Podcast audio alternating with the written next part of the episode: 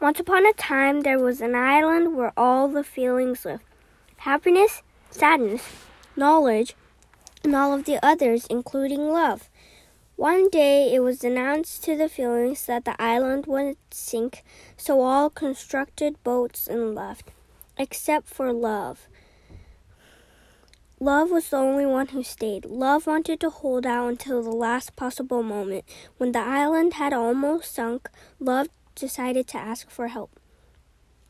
Richness was passing by Love in a grand boat. Love said, Richness, can you take me with you? Richness answered, No, I can't. There's a lot of gold and silver in my boat. There's no place here for you.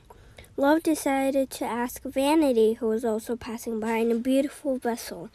Vanity, please help me. I can't help you, love. You're all wet and might damage my boat. Boat, Vanity answered. Sadness was close by, so Love asked, Sadness, let me go with you. Oh, love, I'm so sad that I need to be by myself. Pa- happiness passed by love too, but she was so happy that she did not even hear when love called her. Suddenly there was a voice. Come, love, I will take you. It was an elder. So blessed and overjoyed, love even forgot to ask the elder where they were going.